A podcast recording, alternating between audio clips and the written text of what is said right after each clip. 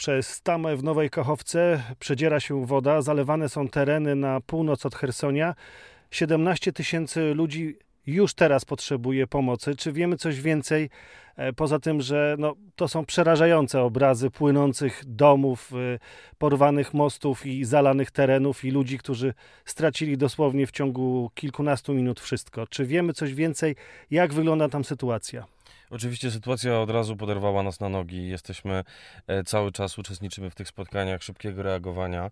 Bo takie tam się teraz odbywają cały czas, tak? Takie się odbywają, ponieważ e, trzeba dostarczyć tym ludziom pomoc, a pytanie, jakiej pomocy m, mm, trzeba im dostarczyć, bo ludzie, którzy w, w, muszą opuścić te tereny, e, tak jak powiedziałeś, około 17 tysięcy osób, on, oni już częściowo ruszyli. Do Hersonia dotarło już około 2 tysięcy osób. Dojeżdżają pociągi do Odessy. Spodziewamy się też e, około, około 2 tysięcy uchodźców w Dnieprze.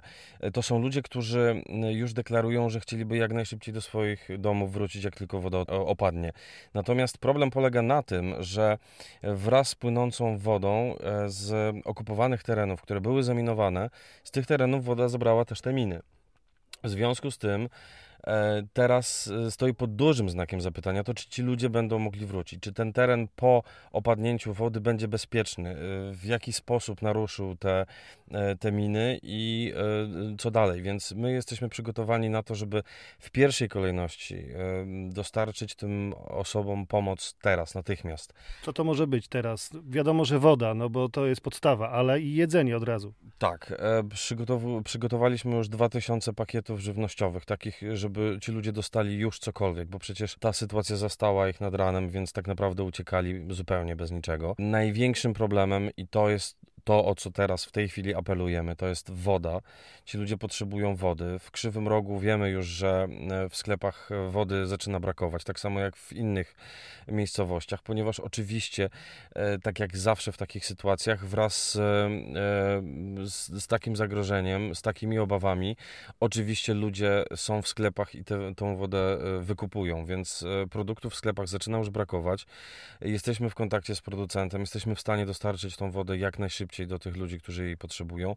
Potrzebujemy na to funduszy, stąd y, ruszyła bardzo szybka zbiórka na ten cel na stronie dobrafabryka.pl.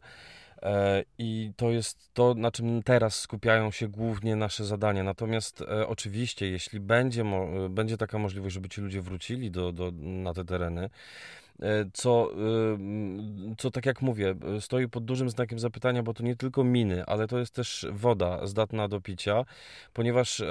Post... Tam jeszcze jest tak zwany olej przemysłowy, który wydostał się z tej tamy, który zatruwa środowisko. To, to są problemy też środowiskowe, które już powstały też. To, to, nie jest tylko tama, to jest też to, że po stronie, po, na terenach okupowanych źródła wody pitnej były skażone celowo przez Rosjan. W związku z tym teraz, jak ta woda płynie, to przenosi te, to skażenie i to skażenie rozle, rozlewa się również na te tereny po stronie ukraińskiej. Będziemy mieli do czynienia z dużym problemem, jeśli chodzi o katastrofę ekologiczną. Trzeba pamiętać, że ten zbiornik, który przestał istnieć, nawet gdybyśmy go odbudowali dziś w nocy, to potrzeba 3-4 lat, żeby go napełnić z powrotem wodą. Mm, jest cały czas pytanie, co z elektrownią i chłodzeniem elektrowni w Zaporożu, tak?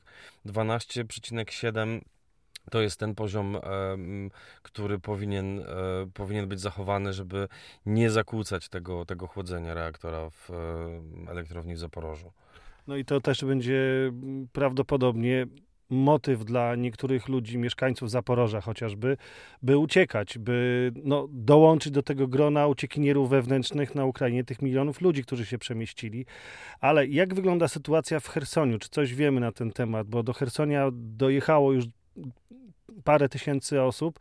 E, no pytanie jest, czy Hersoń też przetrwa, prawda, tą, tą falę powodziową, a jeżeli tak, to co dalej z tymi uchodźcami tam na miejscu? No ci ludzie uciekli w takie bardzo niebezpieczne miejsce, bo ta fala mm, idzie, on, ci ludzie już tam dojechali. Nasze e, działania skupiają się wraz z innymi organizacjami no, również na tym, żeby z tą pomocą tam dotrzeć. E, mm, transporty już są organizowane. Nie mogę zdradzać też ze względów bezpieczeństwa, kiedy i co dokładnie, w które miejsce e, tam dotrze. Natomiast sytuacja jest cały czas koordynowana. Apelujemy o to, żeby, żeby tym ludziom po prostu pomagać, bo jest ich coraz więcej. E, oczywiście, jeśli ci ludzie nie będą mogli wrócić do swoich domów, to te 16 tysięcy osób trzeba będzie gdzieś zakwa zakwaterować.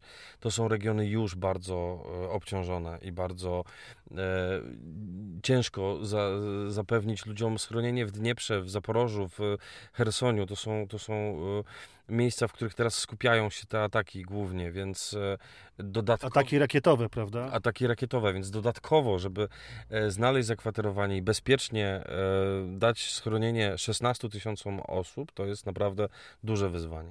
Dziękuję bardzo. Mateusz Gasiński, prezes dobrej fabryki, organizacji, która również działa na terenie Ukrainy, tam świadcząc pomoc.